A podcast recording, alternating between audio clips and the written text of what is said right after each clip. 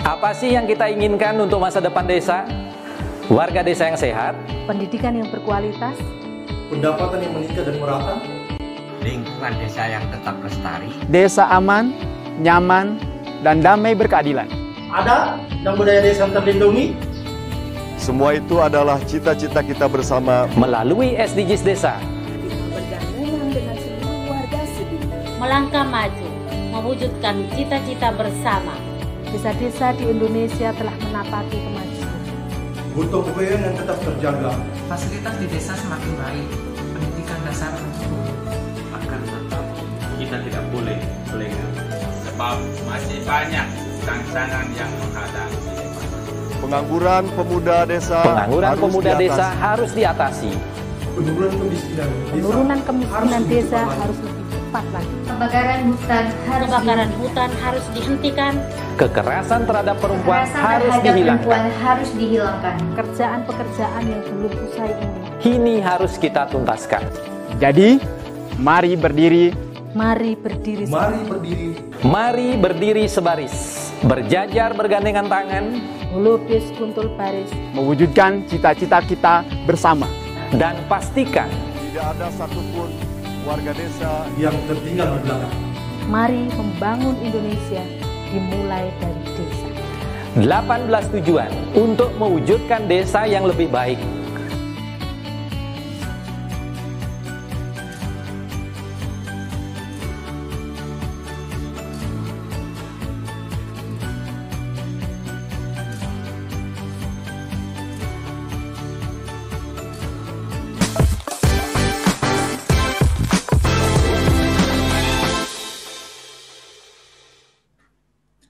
Salam bahagia kerabat desa Indonesia berjumpa lagi di sarapan SDGs desa. Salam berdiri sebaris, holobis kontrol baris.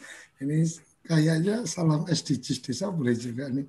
Salam SDGs desa, salam berdiri sebaris, holobis kontrol baris. Oke, sambil menunggu eh, kerawuhan atau kehadiran dari pemilik acara kita, Gus Ivanovic. Uh, pagi ini kita akan mendiskusikan tentang apa itu desa berenergi bersih dan terbarukan. Ini adalah SDGs desa yang ketujuh atau mungkin juga uh, SDGs global tentang energi terbarukan.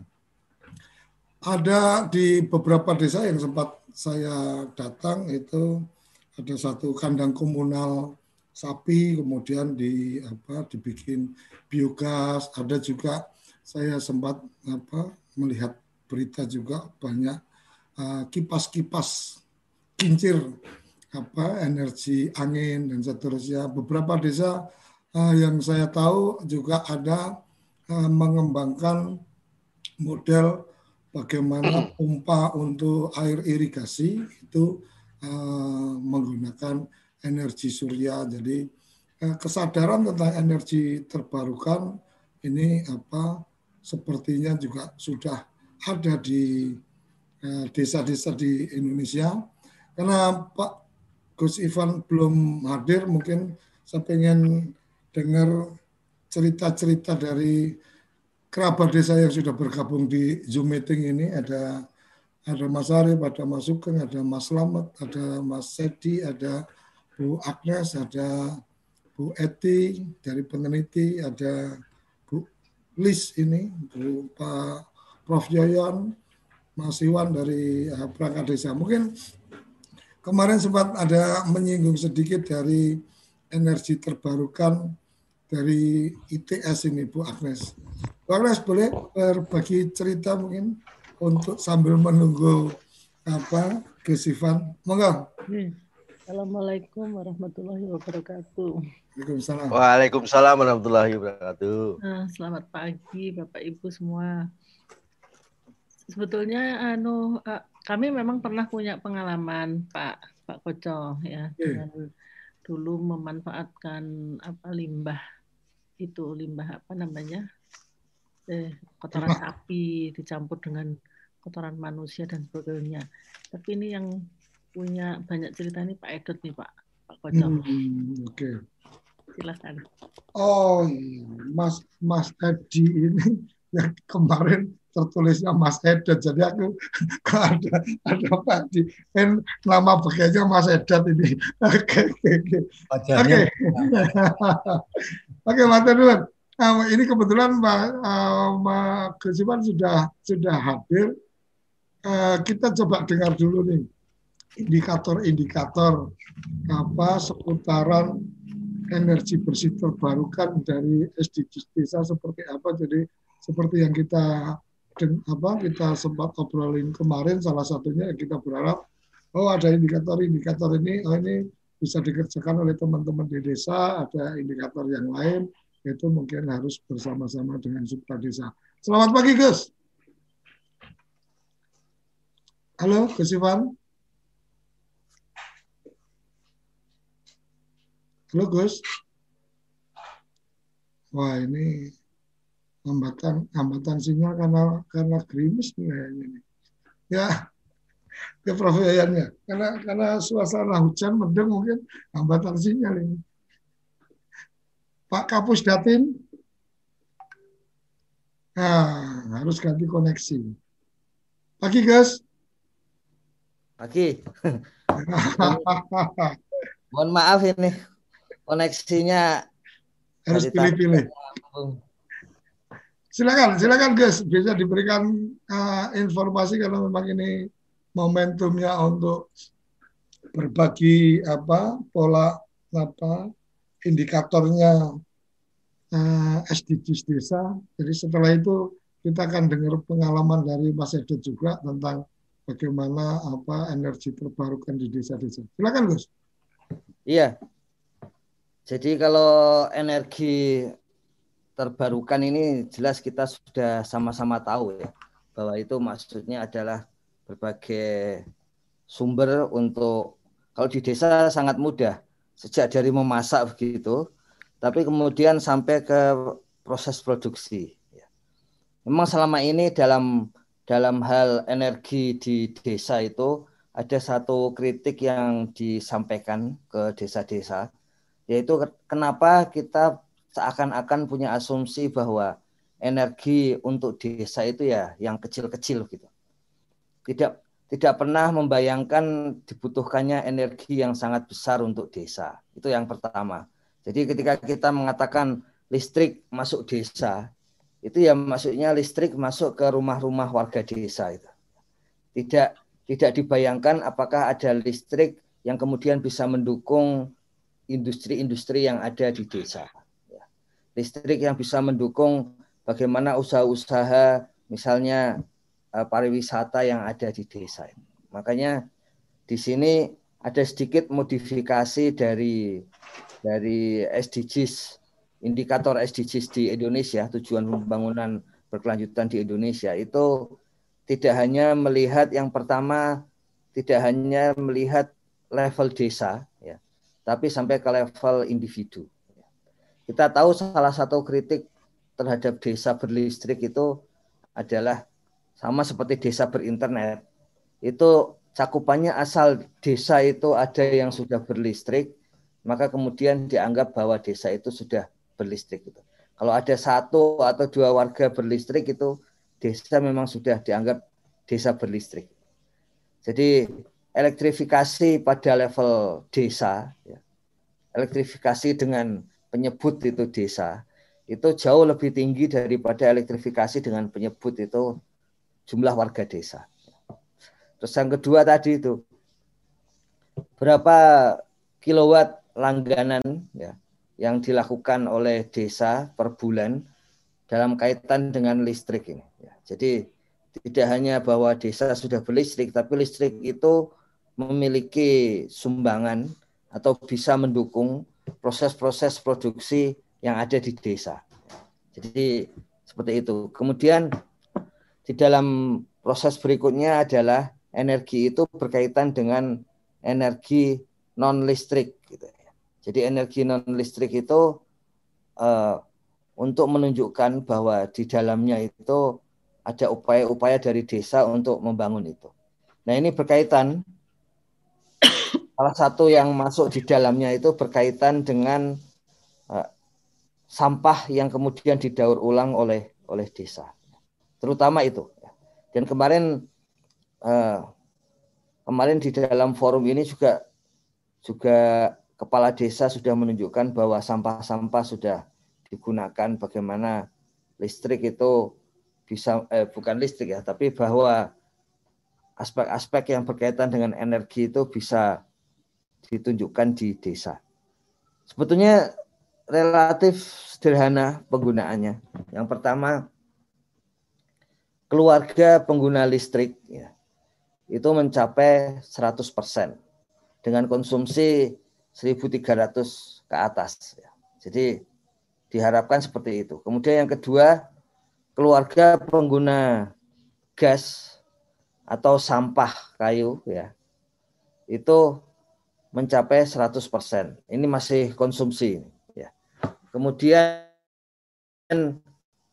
campuran atau bauran energi terbarukan itu digunakan oleh paling tidak 60% keluarga di kota karena sumber energi terutama yang berasal dari sampah kayu paling tidak itu atau sampah sampah daun dan sebagainya itu banyak. Kemudian yang terakhir penurunan penggunaan minyak. Gitu. Nah, sementara itu untuk kaitan dengan industri ya, industri yang ada di desa, industri dari masyarakat desa, itu ada di posisi yang lain yang berkaitan dengan ekonomi yang makin merata. Ini sangat sangat ringkas ya. Tapi ini menunjukkan posisi kebutuhan dasar dan kemudian kebutuhan yang bisa dikembangkan masyarakat melalui energi listrik yang pertama dan yang kedua peluang untuk energi yang terbarukan. Sangat sederhana Gus Koco ketimbang yang lain ya. Tapi harus hati-hati itu. Pengalaman dengan IDM dan IPD semakin sedikit indikatornya itu semakin berkekuatan itu indikatornya. Karena pembaginya menjadi sangat sedikit gitu. Tapi kayak kayaknya, tapi kayaknya ini apa beberapa indikator tadi lebih pada mama kita bicara listrik ada minimal berapa dan seterusnya itu mungkin artinya bahwa memang ini ada standar konsumsi terendah atau gimana ini? Iya. Jadi eh, di tahun 2000 sampai tahun 2010 paling tidak ya. Itu salah satu indikator dari keluarga miskin itu adalah listriknya tidak ada atau paling banyak 450 kilowatt. Hmm. Hmm. Kemudian sekarang dinaikkan menjadi 900 dan itulah sebabnya yang mendapatkan subsidi listrik itu sekarang bisa sampai 900 kilowatt gitu. Hmm. Itu okay.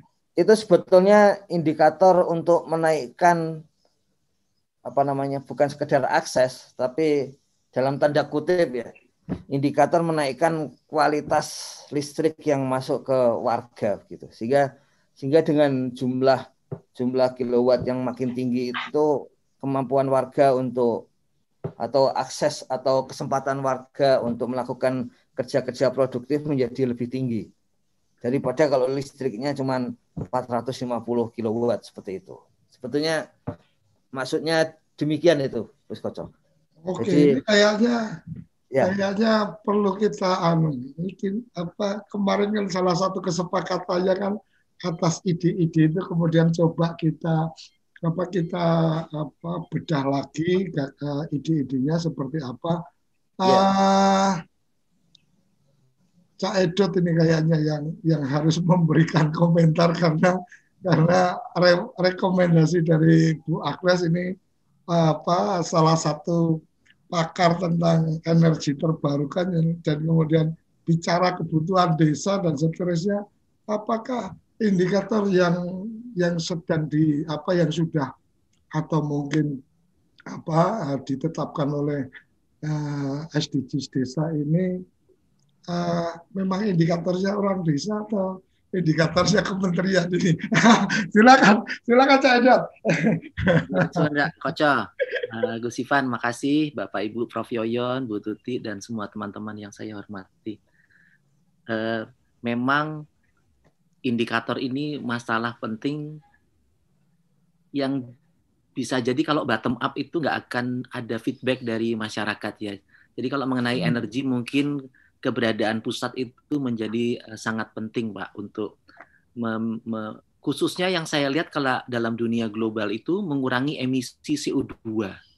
Jadi kalau emisi CO2 itu hanya dikurangi oleh orang-orang kota dan industri saja, rasanya itu juga tidak adil. Karena walaupun mereka itu orang desa, mereka tuh punya hak, punya kewajiban yang sama kayak kita.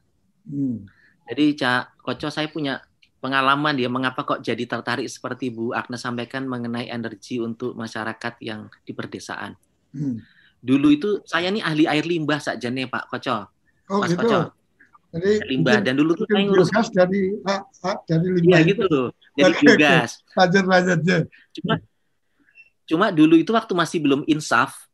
Saya itu ngurusi air limbah untuk karena saya ngurusi, ngurusi air limbahnya pesawat. Jadi dulu tuh hmm. saya tuh di berteman sama teman-teman dari Airbus gitu ya. Uh. Ya apa caranya kalau 500 orang itu terbang dari Heathrow ke hmm. Changi itu 500 orang di pesawat itu kalau pipis di atas pesawat itu airnya bisa didaur ulang sampai jadi air minum. Hmm. Saya ya, jadi sekarang tuh dulu ya paham pokoknya kalau saya masuk pesawat disuruh menekan tombol yang minum air itu kayak di Australia atau di Jerman tuh saya enggak mau karena saya tuh paham banget bahwa itu sakjane air pipis anu para penumpang. Oh gitu ya? Demikian ya? juga dengan kotoran-kotoran itu ya. Hmm, Lalu saya postdoc tahun 2005 di UTM Malaysia. Saya tuh buka data-data Trenggalek, Jombang, Nganjuk gitu. Loh, kok orang-orang Indonesia tuh angkat sarung langsung buang air besar. Hmm. Loh, saya tuh nggak percaya. Wong selama ini ngurusi orang beol di pesawat kok, terus ngurusi orang angkat sarung apa ngebrok gitu ya. Waduh, saya ini kayak shock. Loh, ini kok data negaraku kok koyok ngene. Saya buka, Pak. Loh, ternyata memang brengsek, Pak Data kita hmm. jelek banget. kita nih ternyata buang air besar di sembarang tempat itu tidak masuk akal, termasuk Jakarta, apalagi Jombang itu. Waduh, saya kayak kebakaran jenggot. Akhirnya hmm. saya tinggal teknologi canggih itu, saya mempelajari teknologi yang nggak pernah saya pelajari karena terlalu rendah anunya, aspek teknologinya. Oh, oke, okay, okay. Saya pelajari lagi loh, ternyata ini aspek sosial kayak kayak diskusi kemarin.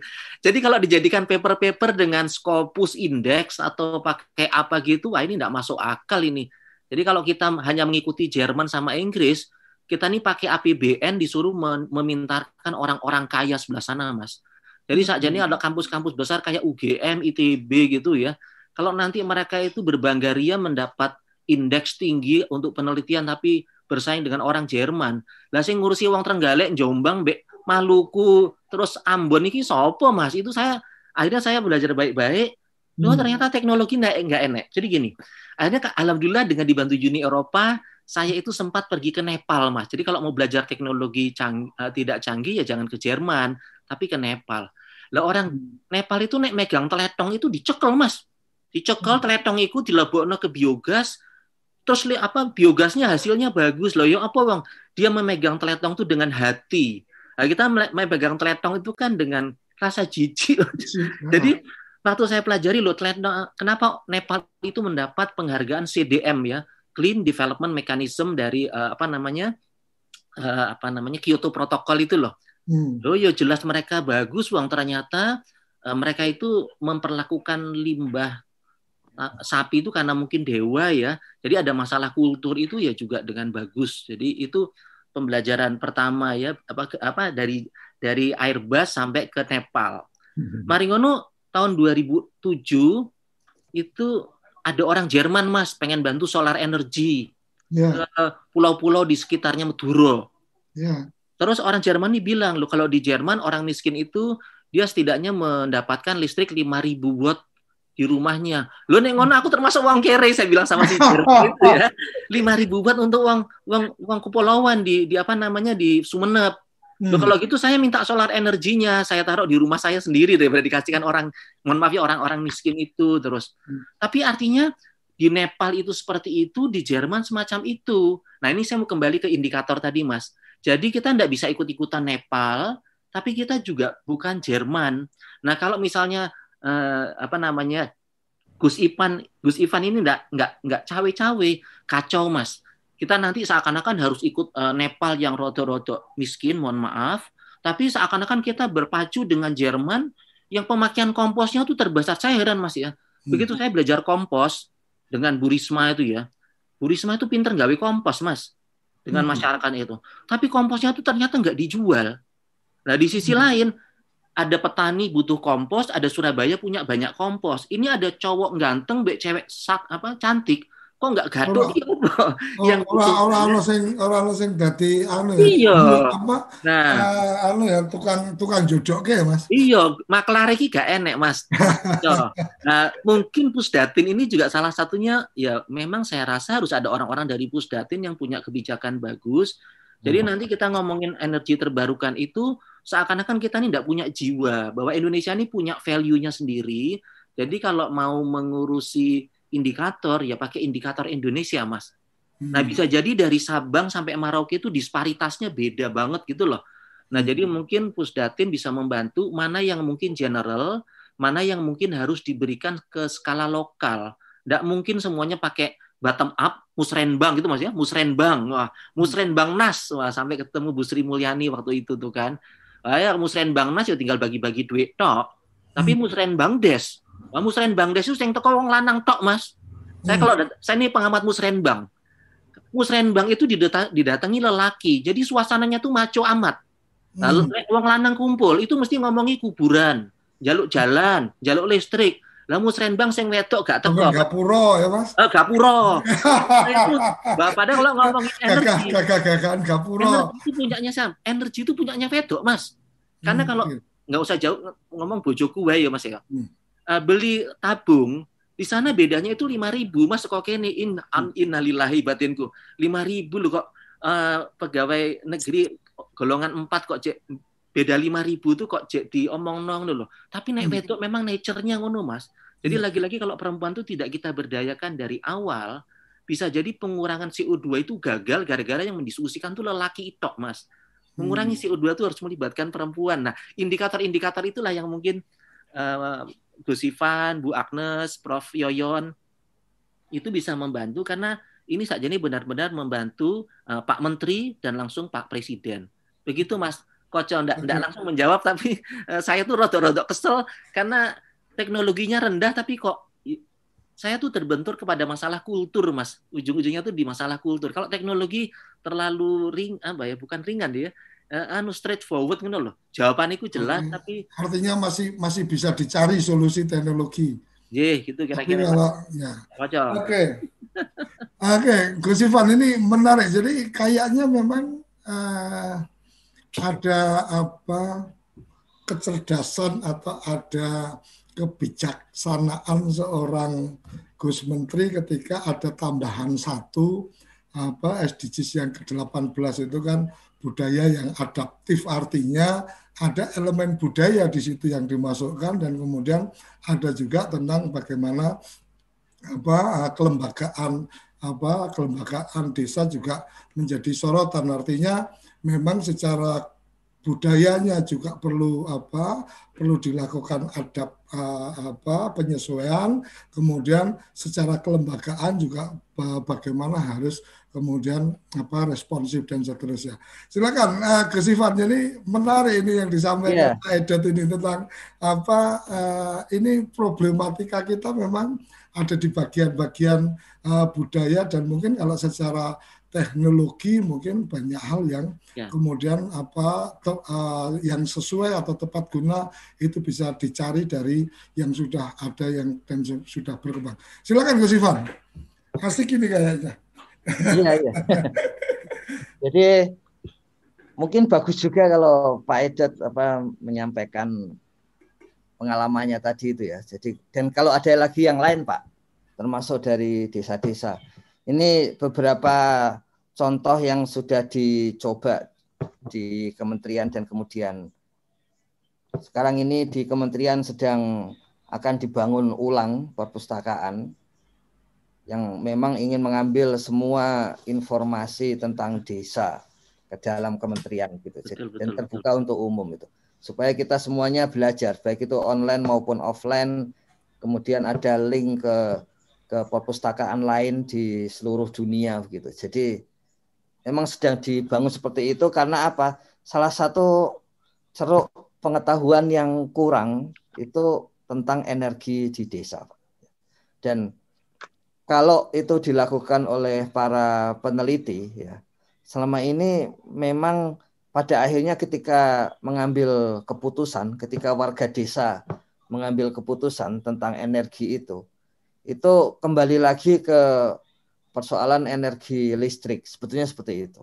Dari dari dari kajian dan survei yang dilakukan di desa-desa. Jadi memang contohnya di ya di banyak hal ini yang dikaji antara lain di Sukabumi yang tadi ada kerjasama dengan Korea juga ada di Jogja ya.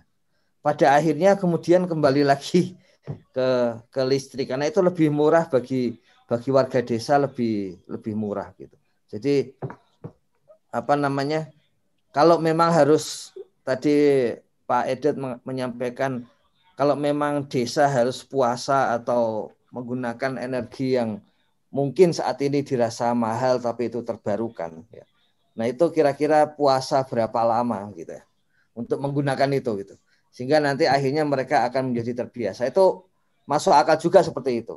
Jadi memang apa namanya masukan-masukan dari seperti Prof Edot ini memang sangat sangat penting ini ya. Sangat penting untuk kaitan dengan energi karena kalau tidak memang kita akan kembali ke cara berpikir yang biasa. Ya, saya masih ingat ketika Gus Menteri itu apa namanya mendiskusikan SDGs desa yang nomor tujuh ini ya itu beliau menyampaikan kok sedikit amat gitu ya. Apa yang khas di di kita itu sama seperti pertanyaan Pak Edot itu.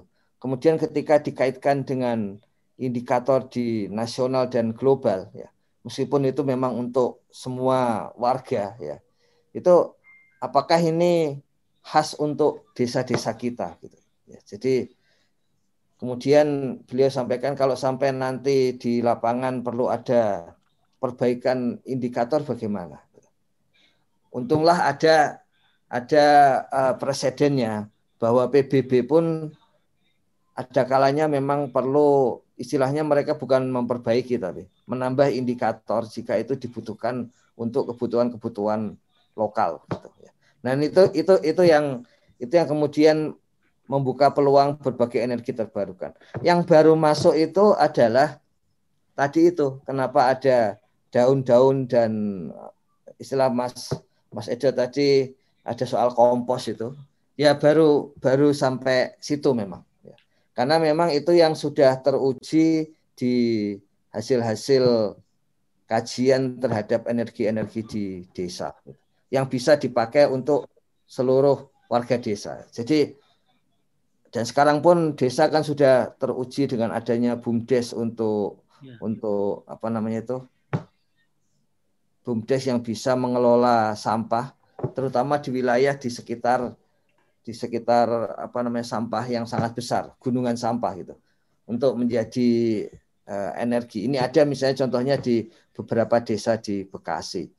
Ya. memang belum bisa masif itu Pak Edot Gus Koco. Jadi uh, apa namanya sudut pandangnya itu tidak hanya ini bisa dipakai untuk orang desa, tapi bisa dipakai untuk orang desa di 75 ribu desa itu ya. Saya kira yang bisa diambil pelajaran pagi ini Gus Koco bahwa memang ada yang harus dilihat untuk seluruh desa dari Aceh sampai Papua gitu dan kemudian peluang dari desa-desa untuk menyusun sendiri yang yeah. yang cocok bagi desanya ya yang tadi disebut dengan musren musdes gitu ya, ya musdes. jadi di musdes yang ada di di kita itu itu begitu sampai ke energi terbarukan itu sebagian besar isinya adalah uh, pembangkit listrik tenaga mikrohidro, mikrohidro itu yang paling besar. Hmm. Ya. Kemudian setelah itu tadi biogas itu termasuk yang kecil itu termasuk biomasa itu uh, jumlahnya yang masuk di dalam APBDes itu sangat kecil. Ya. Nah begitu uh, pembangkit listrik tenaga mikrohidro ini kan sangat tergantung kepada apakah ada aliran sungai yang bisa atau aliran air yang bisa sangat sangat kontinu itu. Nah jumlah desa di mana di situ ada sungai itu ternyata kan tidak semua desa ya. Jadi hmm. ada masalah itu juga. Mungkin sementara itu Gus okay. Saya kira untuk pagi ini ada bagusnya apa namanya ya memang tadi banyak ide dan pengalaman menarik dari Pak Edot, Bu Agnes. Mungkin lebih banyak mendengarkan untuk pagi ini. Oke, oke. kita, kita, akan, ini. kita akan memberikan kesempatan juga ke teman-teman yang lain. Ada ada Bu Eti juga sebagai peneliti. Mungkin apa-apa yang sudah apa dilakukan dari Kemendes terkait dengan itu ada Bu Agnes. Uh, kita akan jeda dulu untuk ngaduk kopi kita dan menikmati apa sebatan apa isapan-isapan pagi ini. Nah, kita akan jeda dan kita akan kembali setelah yang satu ini jangan ke mana-mana, tetap di sarapan SDGs Desa. Kamu tinggal di pulau terpencil, pegunungan pinggiran kota, atau daerah di Indonesia yang tidak terjangkau jaringan fiber, ADSL, dan juga 3G internetan dengan cepat pasti cuma akan menjadi mimpi. Mau pakai tol langit, pakai desa wifi, kunjungi www.desawifi.id. Apa sih yang kita inginkan untuk masa depan desa? Warga desa yang sehat, pendidikan yang berkualitas, pendapatan yang meningkat dan merata, lingkungan desa yang tetap lestari, desa aman, nyaman, dan damai berkeadilan. Ada dan budaya desa terlindungi. Semua itu adalah cita-cita kita bersama melalui SDGs Desa. Satu, desa tanpa kemiskinan. Dua, desa tanpa kelaparan. Tiga, desa sehat sejahtera. Empat, pendidikan desa berkualitas. Lima, keterlibatan perempuan desa. Desa layak air bersih dan sanitasi. Tujuh, Desa berenergi bersih dan terbarukan. 8. Pertumbuhan ekonomi desa merata. 9. Infrastruktur dan inovasi desa sesuai kebutuhan. 10. Desa tanpa kesenjangan.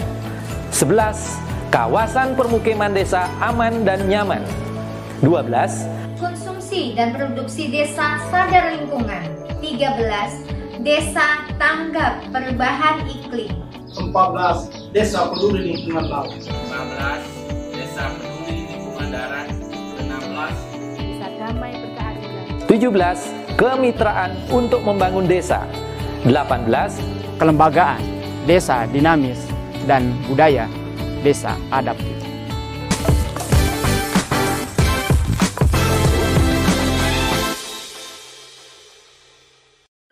Desa Vision. Desa Vision memberikan pilihan tayangan edukasi dan inspirasi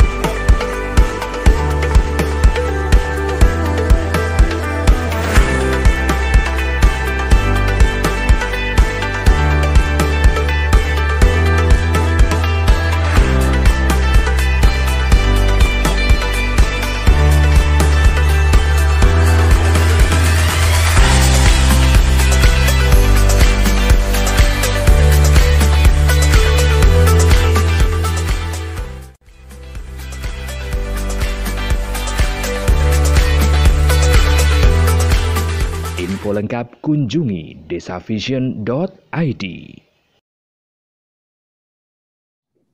Oke, kembali ke sarapan SDGs desa. Silakan Gus Iwan, ada yang akan disampaikan dulu sebelum saya berikan kesempatan ke eh, teman-teman yang ada di Zoom meeting kita. Ya, terima kasih Gus Koco. Jadi yang tadi saya sampaikan menyambung yang yang sudah disampaikan Pak Edot ya pengalaman tadi itu memang belum termasuk yang dominan ya. Jadi penggunaan dana desa untuk energi listrik terbarukan itu kalau kita hitung-hitung baru sekitar 2.700 desa itu yang yang menggunakan anggaran itu untuk energi listrik terbarukan ya. Tentu saja ini bisa dipakai untuk hal yang lain juga, energi terbarukan yang lain. Dan yang terbanyak memang tenaga pembangkit listrik tenaga mikrohidro tadi ya ada 287 miliar dipakai di 2000 desa gitu. Kemudian berikutnya adalah panel surya. Ya.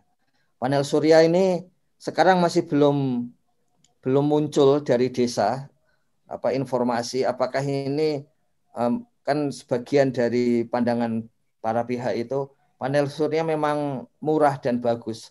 Tapi yang berbahaya adalah sampah dari panel surya itu. Kalau sudah tidak dipakai, itu menjadi sampah yang berbahaya. Nah ini dari desa belum muncul informasi soal sejauh mana berbahaya itu muncul ya. Atau atau desa sendiri sebagian desa yang menggunakan panel surya juga sudah mulai berhati-hati terutama berkaitan dengan sampahnya.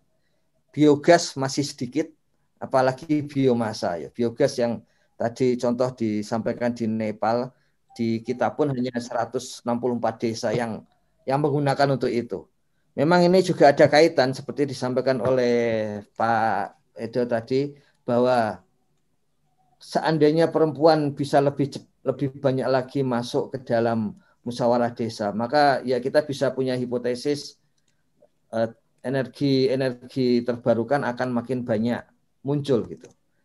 Nah kemudian mungkin perlu juga kita uh, cek tadi disampaikan oleh Pak Edo tadi bahwa memang perlu ada uh, perlu ada dalam tanda kutip ya campur tangan. Tapi maksudnya di sini adalah satu kebijakan yang memberdayakan gitu. Jadi satu kebijakan yang isinya bukan perintah tapi memberdayakan warga untuk menggunakan energi terbarukan.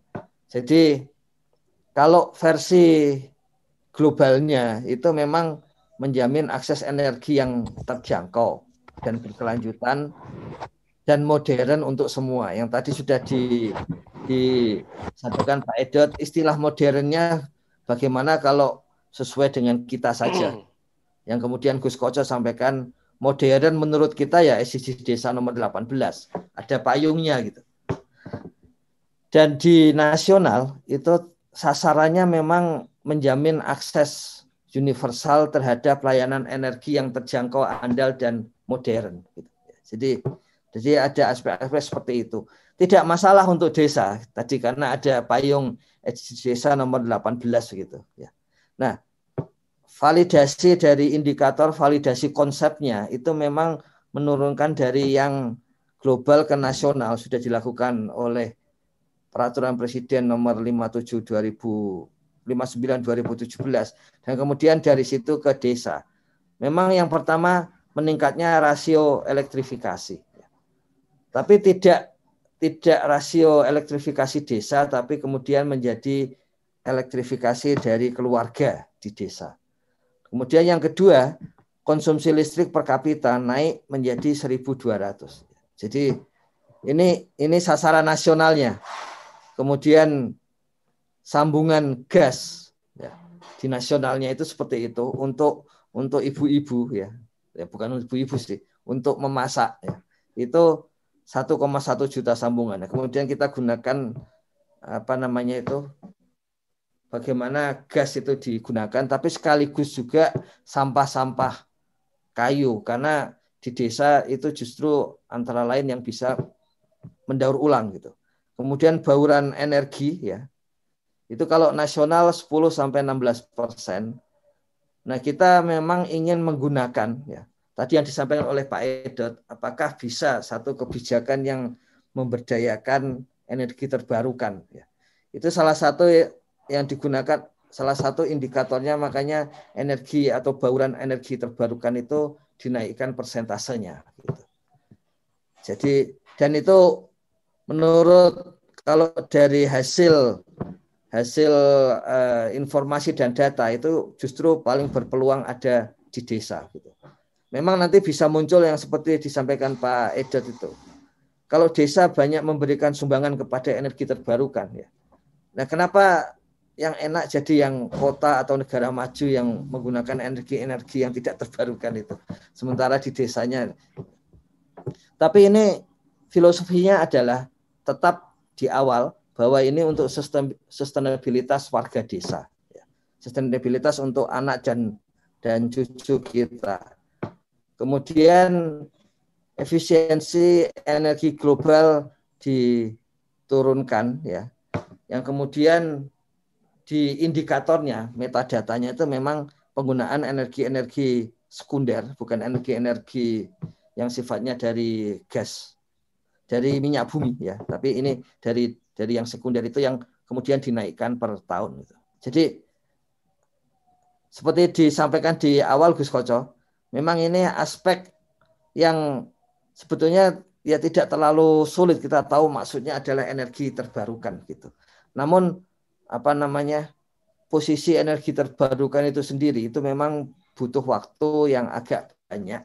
Tapi waktunya itu berkaitan terutama dengan tadi disampaikan oleh Pak Edot berkaitan dengan budaya itu. Jadi itu yang itu yang akan disentuh. Tadi sudah disampaikan 2.700 desa menggunakan energi terbarukan dibandingkan dengan 75 ribu desa itu ya tidak sampai 10 persen bahkan ya tidak sampai tidak sampai eh, lima persen dari situ gitu lima persen lebih gitu ya jadi jadi masih banyak uh, masih banyak yang harus dilakukan ya dan yang penting lagi nih kerabat desa sekalian kalau desa memang sudah melakukan maka satu pendataan yang sangat bagus menjadi penting. Ya.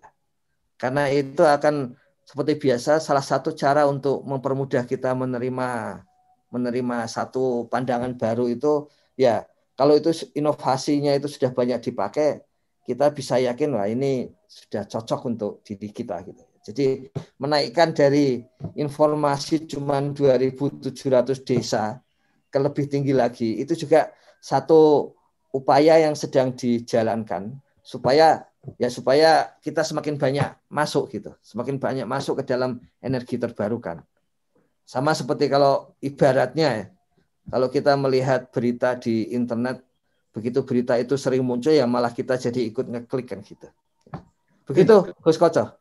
Oke, ini ini yang menarik di di channel YouTube kebetulan ada di apa ruang Zoom kita ada Mbah Lurah Parti ini dari Geni Langit. Jadi eh, awalnya pernah dengan apa biogas dan seterusnya setelah ada tabung melon yang murah akhirnya juga males pakai apa menjalankan apa biogasnya. Maka Mbak Parti bisa cerita. Jadi eh, terima kasih.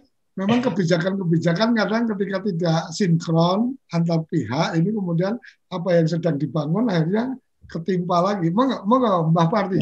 Terima kasih dulu pernah kami mendapat intensitas untuk uh, sosialisasi tentang biogas itu dari Malang pernah dari terus kita pernah mencoba bahkan kami sebagai kepala desa juga mempelopori itu uh, dan biogas ini kan kaitannya dengan kotoran tadi yang sampaikan Pak Edo tadi uh, apa harus perlu penghayatan jadi bila perlu di, di itu harus meremas-remas Pak harus di di kotoran diremas dan kami juga pernah menerapkan bukan dengan sarung plastik tapi dengan tangan langsung itu juga untuk mem, istilahnya kalau orang Jawa dokoh itu biar biar menjadi biogas harus seperti itu. Ya, dan karena biogas ini sifatnya juga perlu alat dan perlu lokasi dan alatnya itu bisa semi semi sederhana, semi, ada kolam, ada kalau yang sederhana pakai plastik, kalau yang uh, itu pakai pakai spitek yang perlu alat juga. Nah, mungkin kendalanya eh, karena tadi itu pertama repot, kemudian kedua kalinya eh, dibandingkan dengan gas setelah ada gas ini ya setelah ada gas kok lebih eh, simple gas akhirnya tidak bisa berlanjut. Kami dulu pernah di desa itu kita eh, ada melalui kelompok dan melalui perorangan itu kita coba sudah berhasil sudah nyala sudah bisa hidup. Eh, namun itu tadi kendalanya eh, pertama memang tekanannya juga kurang besar, masih perlu waktu agak lama sehingga kalau dibandingkan gas lebih simpel, akhirnya berubah ke eh, pola hidup yang lebih simpel itu. Tetapi dengan eh, apa energi yang diperbarui kami sangat setuju sekali. Tetap kita potensi apa ini tetap kita kembangkan kembangkan. Mungkin tadi eh, penerangan dengan tenaga surya, kemudian eh, organik yang diolah itu yang menjadi mungkin bisa pengganti pupuk uh, pupuk pabrik itu bisa tetap kita upayakan untuk di desa. Oke. Kami Oke. sangat setuju dengan program ini. Terima kasih. Matur Jadi uh, apa memang ya betul uh, apa yang tadi disampaikan ini memang menyangkut literasi, menyangkut budaya dan seterusnya. Dan yang terakhir kalau dari apa yang disampaikan Mbak Lurah Parti ini memang menyangkut juga apa uh, sinkronisasi kebijakan. Jadi ketika sedang melakukan apa uh, edukasi tentang biogas terus tahu-tahu nenteng apa tabung melon yang kemudian disubsidi dan murah ya selesai. Jadi apa kasihan juga teman-teman yang sudah sudah memulai dan seterusnya. Oke okay, ini ini bagian dari apa sarapan kita. Dari apa Kemendes juga bisa kemudian apa menyerap ini menjadi satu belanja problematika yang coba diselesaikan. Mungkin Pak Bu Agnes atau Mbak Eti, uh, Bu Eti ingin menambahkan, silakan. Terima kasih uh, Gus Koco, Prof dan Gus Ivan, uh, mungkin saya sekedar memberikan apa uh, pengalaman sedikit. Kalau kita punya mapping indigenous lokal teknologi, memang uh, itu yang perlu sehingga ini bisa direplikasi di tempat-tempat yang memang uh, ada hal yang kita bisa lakukan. Yang kedua, mungkin ada perbedaan antara desa-desa di Jawa dengan desa-desa di luar Jawa. Artinya di sini kalau uh, tadi ada 100% uh, eh, menggunakan energi terbarukan listrik itu 100%, apakah itu uh, ada coverage-nya? Maksudnya uh, antara yang di desa padat penduduk dengan yang jumlah penduduknya banyak dengan desa-desa yang uh, jarang penduduknya. Ini kalau kita melihat dari segi uh, indikator. Kemudian ini adalah hal yang bagus untuk mendorong sebesarnya kontribusi desa terhadap uh, energi terbarukan. Tentunya apa yang diinformasikan uh, oleh uh, Gus Ivan sama Bapak yang dari uh, ITS tadi lupa maaf namanya. Mas Edot, Mas Edot uh, ini uh, ya Pak Edot uh, tentunya ini uh, menjadi uh, pembelajaran kita tapi bagaimana uh, kita melakukan uh, banyak hal yang sudah dilakukan oleh desa edukasi-edukasi ini tetapi tidak bisa sustain. Nah, ini yang harus hmm. uh, kita uh, mungkin Ibu Agnes banyak pengalamannya, banyak pemerintah sudah melakukan edukasi-edukasi pembelajaran tetapi uh, kemudian itu hilang uh, begitu saja. Seperti uh, banyak hal yang sudah dilakukan. Tadi Pak Ivan juga mengatakan ada di Sukabumi, di Jogja itu banyak yang dilakukan. Tetapi banyak juga desa-desa yang melakukan praktek-praktek baik untuk uh, teknologi pemanfaatan energi terbarukan, tetapi itu belum tereksplor. Tadi data sudah di, diberitahu oleh Pak Gus Ivan. Itu yang pertama. Yang kedua, kelemahan kita di dalam uh, kalau kita mendorong suatu kebijakan tidak uh, berbasis budaya tadi, nah itu yang menjadi uh, kita kerepotan. Jadi ya. itu itu saja yang bagaimana proses kebijakan cultural ini bisa uh, dijadikan kepada kebijakan-kebijakan agent uh, struktural. Ini yang bisa akan harus kita uh, menjadikan satu kesatuan antara proses kultural dengan proses uh, kebijakan struktural. Ini dijadikan uh, satu kesatuan yang embedded sehingga apa pun yang dijadikan kebijakan untuk energi terbarukan ini tentunya ini bisa dilakukan bersama desa. Mungkin okay. itu saja Pak. Terima kasih. Okay. Mohon maaf kalau kurang. Oke, okay. terima kasih masukannya. Jadi luar biasa. Memang apa inter, apa sustain apa keberlanjutan itu uh, salah satunya juga tentang keberlanjutan kebijakan. Jadi mendorong apa pemuda untuk bertani tapi tahu-tahu pas panen ada kebijakan impor kan ya, ya akhirnya juga dapat tidak membuat semangat juga. Bu Agnes monggo silakan.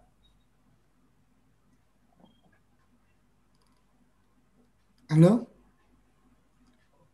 Nah, keluar Ibu audionya?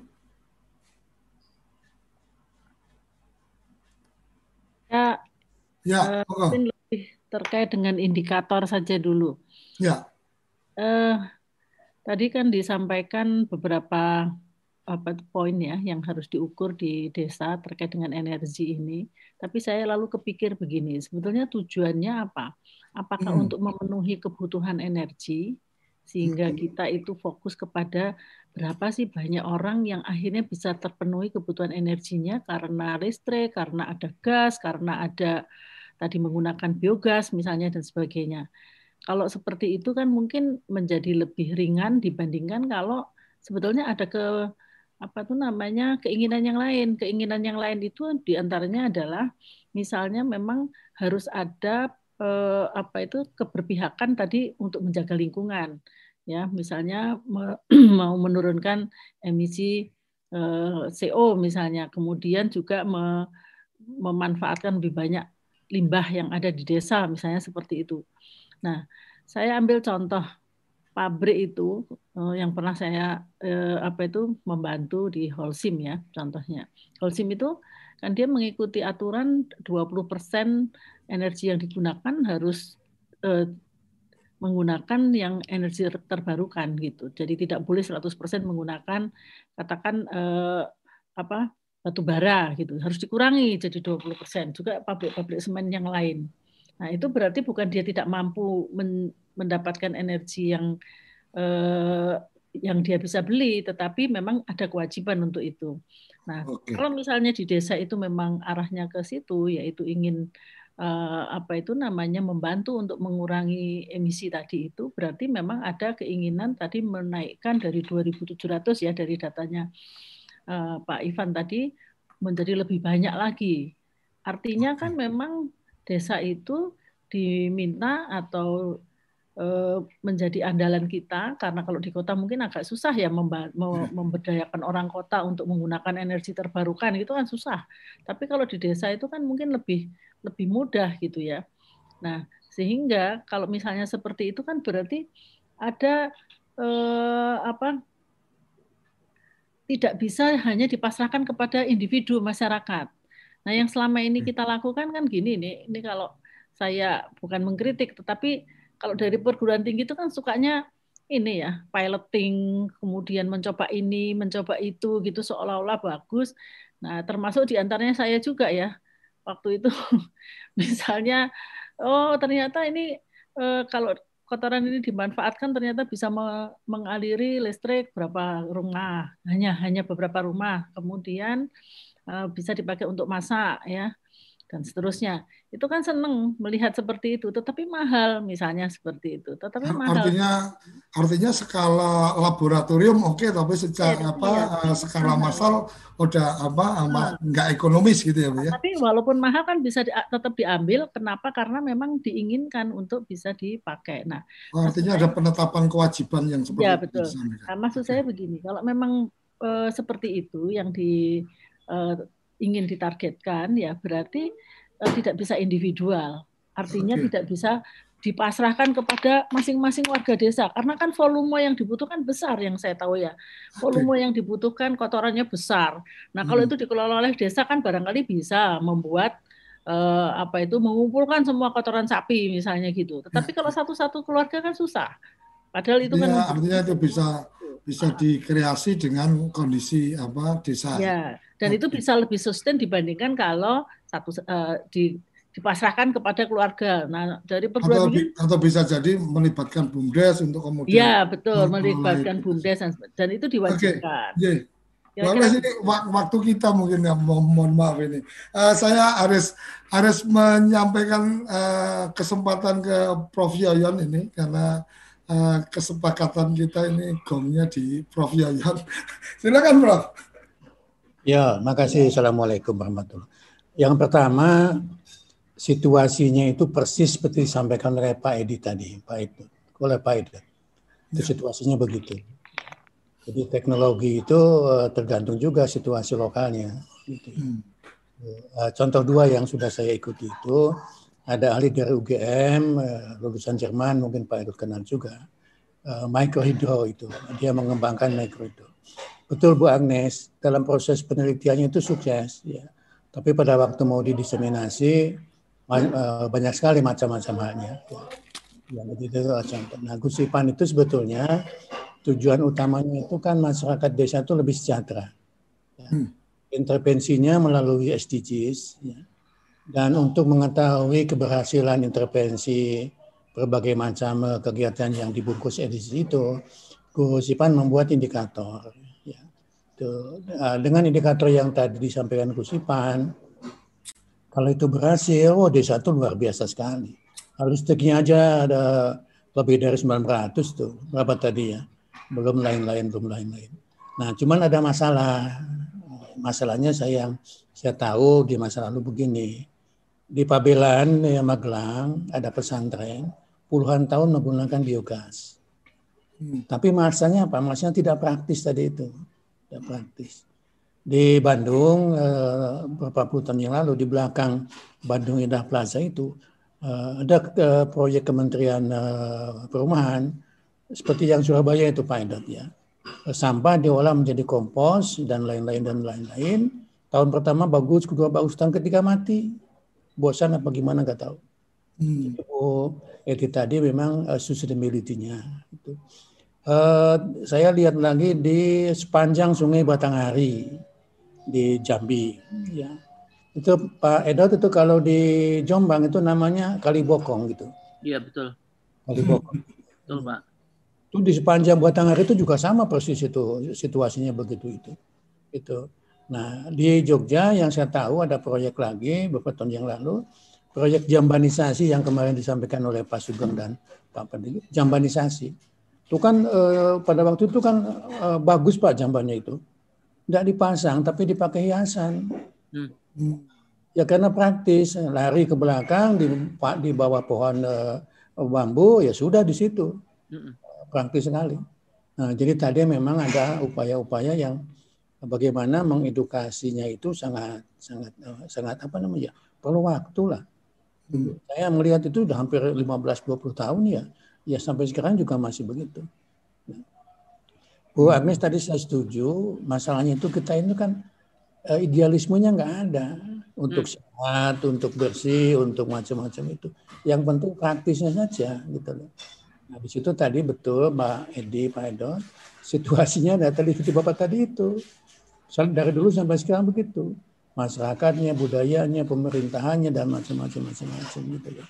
Nah terakhir saya ingin mengatakan begini, Eh, kita ini tergoda dengan bungkus-bungkus yang baru. Tahun pertama, kedua anggarannya namanya masih itu. Wah, enggak boleh ini harus ganti. Gantilah nama anggarannya itu tahun ketiga keempat itu dengan bungkus yang lain. Padahal yang satu dua itu belum selesai gitu loh. Ya. Ini saya bicara di level anu ya kebijakan pada umumnya. Jadi betul kuncinya tadi uh, sustainability kita terjebak kepada sesuatu yang sangat pragmatis apa pun ya ya beli listrik dengan 60 ribu, eh beli gas dengan 60 ribu kan sudah beres itu ya. dan hmm. sebagainya dan sebagainya. Jadi di situ saya kira catatan-catatan saya dan kalau uh, Kementerian Desa ini uh, mengintervensi dengan SDGs 18 tadi itu dengan semua kementerian terintegrasi fokus gitu ya mungkin 5-10 tahun desa ini akan berhasil. Maka saya pertanyaan saya Pak Ipan tolong dicatat Apakah di 2025 67 itu masih bisa berlanjut seperti ini enggak? Hmm, betul. Ya. Betul, Bro. Itu masalahnya di situ. Di uh, uh, Pak Mas Edi, Mas eh, Mas Edward, saya juga termasuk dan Bu Agnesnya. Saya tidak termasuk begitu mementingkan uh, Scopus Index tadi itu kalau memang tidak ada dampaknya kepada kehidupan. Betul Pak, setuju Pak. Itu yang saya kadang-kadang sebel Pak. Kita ini disetir sama orang asing Pak. Ya itu. Orang, secara tidak sengaja pendidikan tinggi itu disetir orang asing. Saya sebel Pak, sebel sekali saya. sebel Pak. Kalau Pak Menteri suatu ketika ngomong apa adanya Pak Menteri itu. Dalam tulisan saya saya sebut perguruan tinggi itu terjebak kepada bisnis uh, ekonomi liberalisasi. Mm-hmm. Dia tidak sadar gitu loh. Ya, itu nantilah kita kembali ke topik okay. indikator-indikator tadi itu saya kira sangat bagus sekali itu ya. Ada uh, mikrohidronya, ada biogas, ada biomasa dan sebagainya itu ya. Dan saya kira uh, ini di desa saya ini Pak Gus Ipang ya, bulan-bulan ini dipasang itu panel surya itu ya. Mm. sudah dipasang. Sudah ada dua tempat tiga tempat. Mau dipasang lagi panel surya itu. Tapi yang jadi masalah itu kemudian pemeliharaannya. Mm. ya semacam itulah. Bagus sekali gitu. Itu Pak Koco catatan saya. Terima kasih Prof. Ini luar biasa tidak terasa kita sudah di penghujung acara tapi di Zoom meeting kita akan masih ada berlanjut kesempatan untuk tambahan diskusi terutama uh, untuk kemudian semakin memberikan pencerahan tentang SDGs desa. Tapi ya kembali saya apa, coba buka-buka dari tadi catatan saya. Ada bagian yang luar biasa ternyata bagaimana tentang uh, yang apa Prof. Yoyon pernah sampaikan uh, bagaimana tentang uh, membangun apa uh, menguatkan literasi tentang SDGs desa ini. Bagaimana kemudian SDGs desa ini bisa menjadi sebuah ideologi dan kemudian mampu uh, diterjemahkan dalam nilai-nilai. Ini uh, sesuatu yang luar biasa dari obrolan kita uh, pagi ini.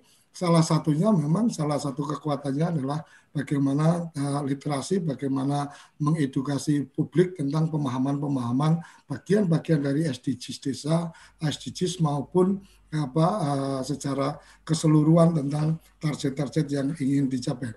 Sampai di sini uh, sarapan SDGs Desa. Terima kasih yang sudah bergabung di Zoom meeting. Ada Mas Arief, ada Prof Yoyon, ada Bu Agnes, ada Bu Eti, uh, Pak Gus Ivan yang punya tempat ini. Kemudian uh, Mas Edot, Mas Lamat, Mas Sugeng, Mbak Lurah Parti, Bu uh, Mbak Lis, terima kasih sudah bergabung dan uh, untuk yang di Zoom meeting kita masih akan ada tambahan waktu obrolan, tapi untuk acara live kita kita cukupkan sampai di sini sampai berjumpa karena ini apa hari Jumat berarti sampai jumpa di pekan depan setiap Senin sampai Jumat pukul 6 sampai pukul 7. Salam SDGs Desa berdiri sebaris holobes kentul baris. Salam bahagia kerabat desa Indonesia. Terima kasih. Apa sih yang kita inginkan untuk masa depan desa? Warga desa yang sehat, pendidikan yang berkualitas, pendapatan yang meningkat dan merata, lingkungan desa yang tetap lestari, desa aman, nyaman, dan damai berkeadilan. Ada dan budaya desa terlindungi. Semua itu adalah cita-cita kita bersama melalui SDGs Desa. melangkah maju, mewujudkan cita-cita bersama. Desa-desa di Indonesia telah menapaki kemajuan. Untuk kebayaan yang tetap terjaga. Fasilitas di desa semakin baik, pendidikan dasar akan tetap kita tidak boleh lengah. Sebab masih banyak tantangan yang menghadang. Pengangguran pemuda desa Pengangguran harus pemuda diatasi. desa harus diatasi. Penurunan kemiskinan desa, Penurunan kemiskinan desa harus lebih cepat lagi. Kebakaran hutan harus kebakaran hutan harus dihentikan. Kekerasan terhadap perempuan Kekerasan harus terhadap dihilangkan. perempuan harus dihilangkan. Pekerjaan-pekerjaan yang belum usai ini. Ini harus kita tuntaskan. Jadi, mari berdiri. Mari berdiri. Mari berdiri. Mari berdiri sebaris. Berjajar bergandengan tangan. Melukis kuntul baris. Mewujudkan cita-cita kita bersama. Dan pastikan tidak ada satupun warga desa yang tertinggal di belakang. Mari membangun Indonesia dimulai dari desa. 18 tujuan untuk mewujudkan desa yang lebih baik